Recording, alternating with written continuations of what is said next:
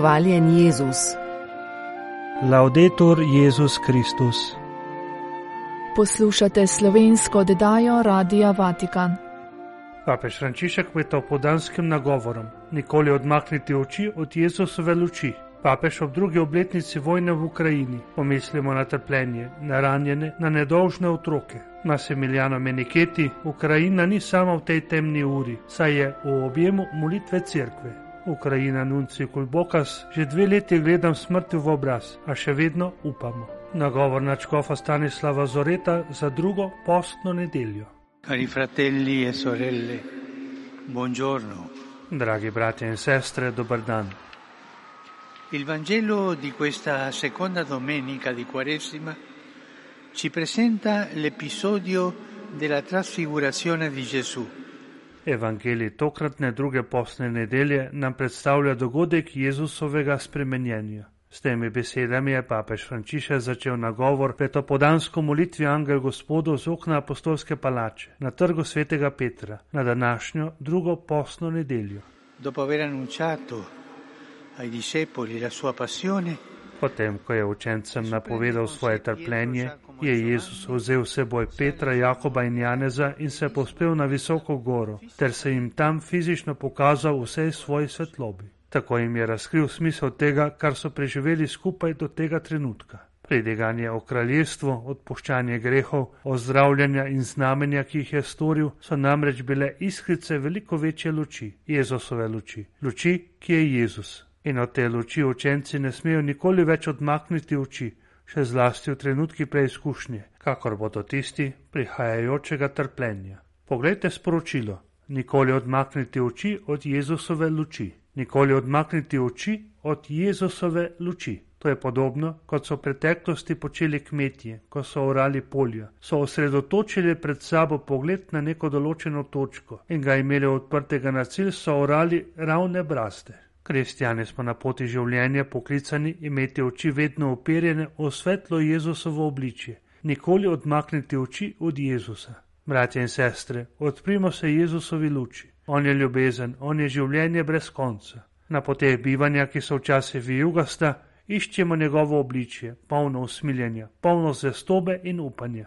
Pri tem nam bodo pomagali molitev, poslušanje besede, zakramenti. Molitev, poslušanje besede in sakramenti nam pomagajo imeti oči uprte v Jezusa. In dober namen za postni čas je to, da se začnemo vaditi v odprtih pogledih, postati iskalci luči, iskalci Jezusove luči, tako v molitvi kot v drugih osebah. Sedaj pa se vprašajmo, na svoji poti imam oči uprte na Kristusa, ki me spremlja? In da bi to počel, dam prostor tišini, molitvi, adoraciji, In končno, iščem vsak majhen žarek Jezusove luči, ki odseva v meni in v vsakem bratu in sestri, ki jo srečam, se spomnim, da se Gospodu za to zahvalim. Marija, sijaj Božje luči, naj nam pomaga imeti pogled oprt na Jezusa in se z njim gledati v zaupanju in ljubezni. Benedica vos, omnipotens Deus, Pater et Filius et Spiritus Sanctus. Amen. Amen. Po molitvi in blagoslovu je sveti oče z bolečino v srcu najprej spomnil, da že dve leti traja vojna v Ukrajini. Cari fratelli e sorelle, ieri 24 febbraio abbiamo ricordato con dolore. Dragi bratje in sestre, včeraj 24. februarja smo se z bolečino v srcu spominjali druge obletnice začetka obsežne vojne v Ukrajini. Koliko žrtev, poškodb, uničenja, trpljenja so v obdobju, ki se strašno razteza in ki mu še ni videti konca. To je vojna, ki ne postošilja te regije Evrope, ampak sproža svetovni val strahu in sovraštva. Medtem ko obnavljam svojo najglobljo naklonjenost mučenemu ukrajinskemu ljudstvu in molim za vse, še posebej za številne nedolžne žrtve, rotim, da se najde tisti kanček človečnosti, ki bo omogočil ustvariti pogoje za diplomatsko rešitev v iskanju pravičnega in trajnega miru. In bratje in sestre, ne pozabimo moliti za Palestino, za Izrael in za številna ljudstva, ki jih vojna razdira, ter konkretno pomagati tistim, ki trpijo. Pomislimo na toliko trpljenja, pomislimo na ranjene, nedolžne otroke. Sveti oče nadalje pozval tudi glede Konga in Nigerije. Za skrbljenostjo spremljam naraščanje nasilja v vzhodnem delu Demokratične republike Kongo. Pridružujem se vabilo škofov k molitvi za mir v upanju na prenehanje spopadov in iskanje iskrenega ter konstruktivnega dialoga. Vse pogostejše ugrabitve v Nigeriji povzročajo skrb. Izražam svojo bližino nigerijskemu ljudstvu v molitvi, v upanju, da si bodo prizadevali zagotoviti, da se širjenje teh dogodkov čim bolj omeji. Papež Frančišek je med pozivi in oznanili po molitvi in blagoslovu še dejal: Blizu sem tudi prebivalcem Mongolije, ki jih je prizadel hud hladen val, ki povzroča resne humanitarne posledice. Ta ekstremni pojav je tudi znak podnebnih sprememb in njihovih učinkov. Podnebna kriza je svetovni družbeni problem, ki močno vpliva na življenje mnogih bratov in sester, še posebej najbolj ranljivih.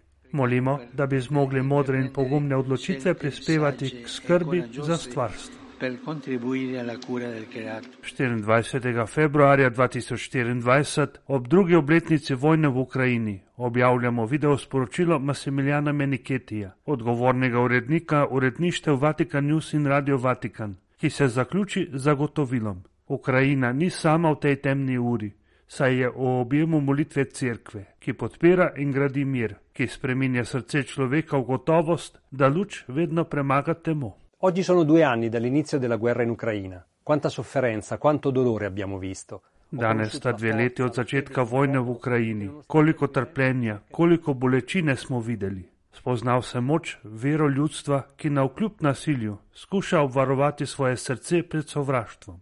Ljudstva, ki je moralo bežati, ki je videlo umirati svoje ljudi, ki se je zateklo v zaklonišča ljudstva, ki je bilo prisiljeno v samoobrambi prijeti za orožje in uporabljati bombe. Koliko junaških pričevanj je prišlo iza teh meja, kot tisto o Aleksandru, kolesarju v Harkivu, ki je skupino prijateljev delil pomoč bolnim, invalidom in revnim, kot tista pričevanja o redovnicah redemptoristkah, sicer prestrašenih, a trdnih v veri, ki so se gibale med ruševinami svojega mesta da bi pomagale, priskočile na pomoč in potolažile tiste, ki so bili pomoči potrebni. Oči, roke, obličja v službi dobrega. Videli smo grozote in globoke rane, tako na meso kot v duši. Ne bom pozabil poglede otrok brez nasmeha. Poslušal sem očete, matere, sinove, ščire. V pripovedih sem se srečal s ponosnim ljudstvom, ki je zaljubljeno v svoje deželo, svoje izročila in korenine, ki še naprej z upanjem v očeh dviga pogled proti nebu. Solznimi očmi prosi skupaj z vsemi pravičnimi ljudmi. Kdaj bo konec vsega tega? Ukrajina ni sama v tej temni uri, saj je v objemu molitve cerkve, ki podpira in gradi mir, ki spreminja srce človeka v gotovost, da luč vedno premaga temo. Che la luce vince sempre sulle tenebre. Minevata dve leti od ruske invazije na Ukrajino. Apostolski nunci Monsignor Vizvalda Skulboka za vatikanske medije spregovori o razmerah v državi in življenju ljudi, ki sredi trpljenja ustrajajo v upanju. Stalni strah in vera, ki se je je treba oklepati, milost, da lahko tu in tam zadihaš in utrujenost, ker imaš vedno zavihane rokave. Neizmerni kontrasti, ki jih ustvarja vojna, z velikim notranjim naporom hoditi skozi porušen svet in skoraj ne imeti moči, da bi se pogovarjal z nekom, ki ni doživel te boleče drame, kot da bi živeli v različnih svetovih. Pove apostolski nunci Vizvalda Skulbokas, ko poskuša opisati življenje v Ukrajini po dveh letih vojne. Kot pravi, je očitno veliko trpljenja. Nekaj tisoč zapornikov živi pogosto na robu preživetja v nečloveških razmerah, vsaj sodeč po pripovedovanju tistih, ki so se vrnili domov. Vsako jutro začne molitev v povezanosti z njimi in otroki, ki so ločeni od svojih staršev ali zakonitih skrbnikov, se vem, da živijo pekel in da jim, razen redkih izjem, ni mogoče pomagati. V regijah blizu frontne črte živijo večinoma ostareli ljudje ali revni in si ne upajo ali pa nimajo fizičnih moči, da bi svojo srečo iskali drugje. Poleg tega so popolnoma odvisni od humanitarne pomoči, vključno z vodo in kruhom. Obstaja tudi cela mreža duhovnikov, karitativnih delavcev in prostovoljcev, ki se ukvarjajo z vzpostavljanjem logističnega transportnega omrežja, včasih dolgega na tisoče kilometrov. Na milijone otrok in mladih iz vseh vzhodnih regij, Harkova, Dnipra, Poltave, Zaporožja, Hersona, že od začetka pandemije COVID-a ne more hoditi v šolo, to je že štiri leta se učijo samo prek spleta. V nekaterih mestih gradijo podzemne šole, ki so zaščitene pred pogostimi bombardiranji. Tu so še lokalni sodelavci naše apostolske nunciature v Kijevu, za katere nikoli ne vem, ali bodo lahko prišli v službo ali ne, saj ko začnejo zavijati sirene zaradi pogostih zračnih napadov, za več ur obtičijo tam, kjer se v tistem trenutku nahajajo. Samo pažam, da se težko dolgo pogovarjam z ljudmi, ki nimajo enakih izkušenj, Vtis imam, da živimo v različnih svetovih, kjer so prioritete povsem drugačne, da sploh ne omenjam mrtvih in pohabljenih v vojni, milijonov razseljenih oseb in beguncev, pove Nunci. Nadaljuje, da so ljudje, ki živijo v mestih blizu fronte, kot sta Herson in celo Harkov, navajeni gledati smrti neposredno v oči. V tem smislu je Kijev v ugodnejšem položaju, saj se raketni napadi in napadi brezpilotnih letalnikov ne dogajajo vsak dan. Poleg tega ima mesto privilegij močnejšega sistema protiletalske obrambe. Imeti trenutek počitka, če tudi vsak drugi dan, je milost. Ljudje bliže fronti čim manj časa preživijo na ulicah, gredo le v cerkev po hrano in po drugih nujnih opravilih. Pred nekaj dnevi sem katoliškega duhovnika v Hersonu vprašal, kaj najbolj pogrešaš. Odgovoril je: Pogrešam, da bi imel nekaj ur tišine, da bi se lahko mirno sprehajal in spal. O zgodbah tistih, ki so se vrnili z fronte, nunci Kulbokas takole pripoveduje. Večkrat se me je zelo dotaknilo, kar so mi nekateri vojaki pripovedovali o molitvenem življenju in o veri v najbolj divjih trenutkih na fronti. Pri tem je treba pojasniti, kdo so ti vojaki. Vojaki so vsi, od univerzitetnega predavatelja do strokovnjaka za nove tehnologije, od gledališkega umetnika do podjetnika. Nekateri med njimi pokažejo vero, ki spodbuja tudi mene, Večkrat sem slišal takšno pričevanje. Ves čas pod bombardiranjem, v jarkih ali v protinapadu, sem neprestano molil in čutil, da mi Jezus stoji ob strani. Naokrog so žvižgali naboji in eksplodirale mine, a jaz sem ostal živ. Druga kategorija pričevanj, ki pretrese nuncija, so pričevanja nekdanjih zapornikov, če so še vedno psihično sposobni komunicirati z ljudmi. Tu se bom vzdržal pripovedovanja o njihovih pričevanjih, ker so neizrekljiva in ker menim, da je bolje, da jih sami povedo, kadar bodo lahko. Na vprašanje, ali vidi kakšno možnost za diplomatsko rešitev, ki bi končala trenutni konflikt, Nunci odgovarja: Vesel bi bil, če bi se motil, vendar danes ne vidim nobene možnosti. Toda z božjo milostjo se lahko vse spremeni v trenutku, zato mora biti naše zaupanje v usmiljenega Gospoda, ko molimo, čim bolj polno. Vsekakor je treba povdariti, da najbolj strajni poskusi na tem področju prihajajo iz tiste kategorije držav in mednarodnih organizacij, ki se ne istovetijo popolnoma z nobeno stranjo. Ob koncu pogovora nunci Kulboka spregovori še o vlogi cerkve pri podpiranju ukrajinskega prebivalstva. Podpora cerkva je izredno pomembna z duhovnega vidika. Tako kruta vojna med ljudmi vzbuja nezaupljivost, se je ni mogoče razumeti, kako se lahko kaj takšnega začne v 21. stoletju. Duhovni vidik posebej povdarjajo vojaki na fronti in vojni ujetniki, Zanje je molitev skoraj edini kanček upanja, ki ga imajo. Ljudjem je treba prisluhniti, ko ne morejo razumeti, kako je mogoče, da cerkve in zlasti sveti sedež s svojimi pobudami ne morejo doseči želenih rezultatov. Mnogi so prepričani, da bi bila ena sama beseda svetega očeta dovolj za rešitev težav.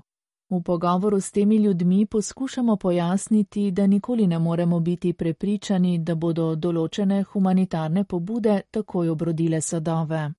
Drugo področje delovanja cerkve je seveda humanitarna pomoč in na tem področju si po najboljših močeh prizadevajo tako ustanove svetega sedeža s papeškim elemozinjerjem in dikasterijem za služenje celostnemu človeškemu razvoju, kot tudi mednarodne karitativne organizacije in krajevne cerkve, katoliške in nekatoliške. Nunci izpostavi še področje otrok, Poznam veliko župni, ki vrtcem naredijo lasna zaklonišča za primer zračnega napada. Na zadnje so tu še karitas, eparhije in tisti, ki nudijo zdravstveno in psihološko pomoč družinam in mladim. Včasih vidim nekatere škofe, ki sami razdeljujejo pomoč in hrano.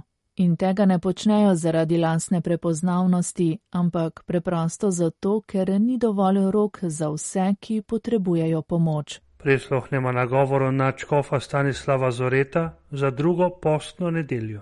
Tisti čas je Jezus vzel Petra, Jakoba in Janeza in jih same zase peljal na visoko goro. V pričo njih se je spremenil. Njegova oblačila so postala bleščeča, nad vse bela, da jih tako ne more pobeliti noben belivec na svetu. In prikazal se jim je Elija z Mojzesom in pogovarjala ste se z Jezusom. Oglasil se je Peter in rekel Jezusu, učitelj, dobro je, da smo tukaj, postavimo tri šotore. Naredil se je oblak in jih obsenčil. In iz oblaka se je zaslišal glas, da je moj ljubljeni sin, njega poslušajte. Na drugo poslo nedeljo se vsako leto z Jezusom in učenci povspnemo na visoko goro. Tam se je v pričo njih spremenil, pravi evangelist Marko. V svetem pismu pogosto srečamo goro kot kraj srečanja med Bogom in človekom, kot kraj božjega razodevanja, pa tudi kot kraj, kjer Bog daje svojemu ljudstvu zapovedi in oblikuje njegovo življenje. Krščansko izročilo je v gori Jezusove spremenitve vedno videlo goro Tabor, ki se dviga iz prostrane jezraelske ravnine. Danes je na vrhu te gore svetišče Jezusove spremenitve, v katerem sta tudi dve kapeli, ena Mojzesova in ena Elijeva. Peter oziroma tisti, ki so po oznanjevanju apostolov sprejeli vero v Jezusa od rešenika, so dejansko postavili tri šotore, kakor je predlagal Peter. Vendar skušajmo svetopisansko goro premisliti še pod drugim vidikom. V svetem pismu so na goro postavljena najbolj pomembna srečanja med Bogom in človekom. Tudi Mojzes in Elija, ki nastopata v dogodku Jezusove spremenitve, sta Boga doživela na gori, na Sinaju. Mojzes najprej v gorečem grmu, kjer mu je Bog razoril svoje ime. Jaz sem, ki sem in mu izročil poslanstvo, da njegovo ljudstvo izpelje iz Egipta. Elija je bil prepričan, da pozna Boga in da mu zvesto služi, ko je na gori Karmel pokončal vse Baalove preroke. Ako je na begu pred maščevanjem kraljice Jezabele prišel na goro Horeb, se pravi Sinaj, se mu je božje obličje razodelo v popolnoma drugačni luči. Ne v viharju, ki lomi skale, ne v potresu in ne v ognju, pač pa je Boga doživel v glasu rahlega šepeta. In tudi Elija je v tem srečanju dobil svoje poslanstvo.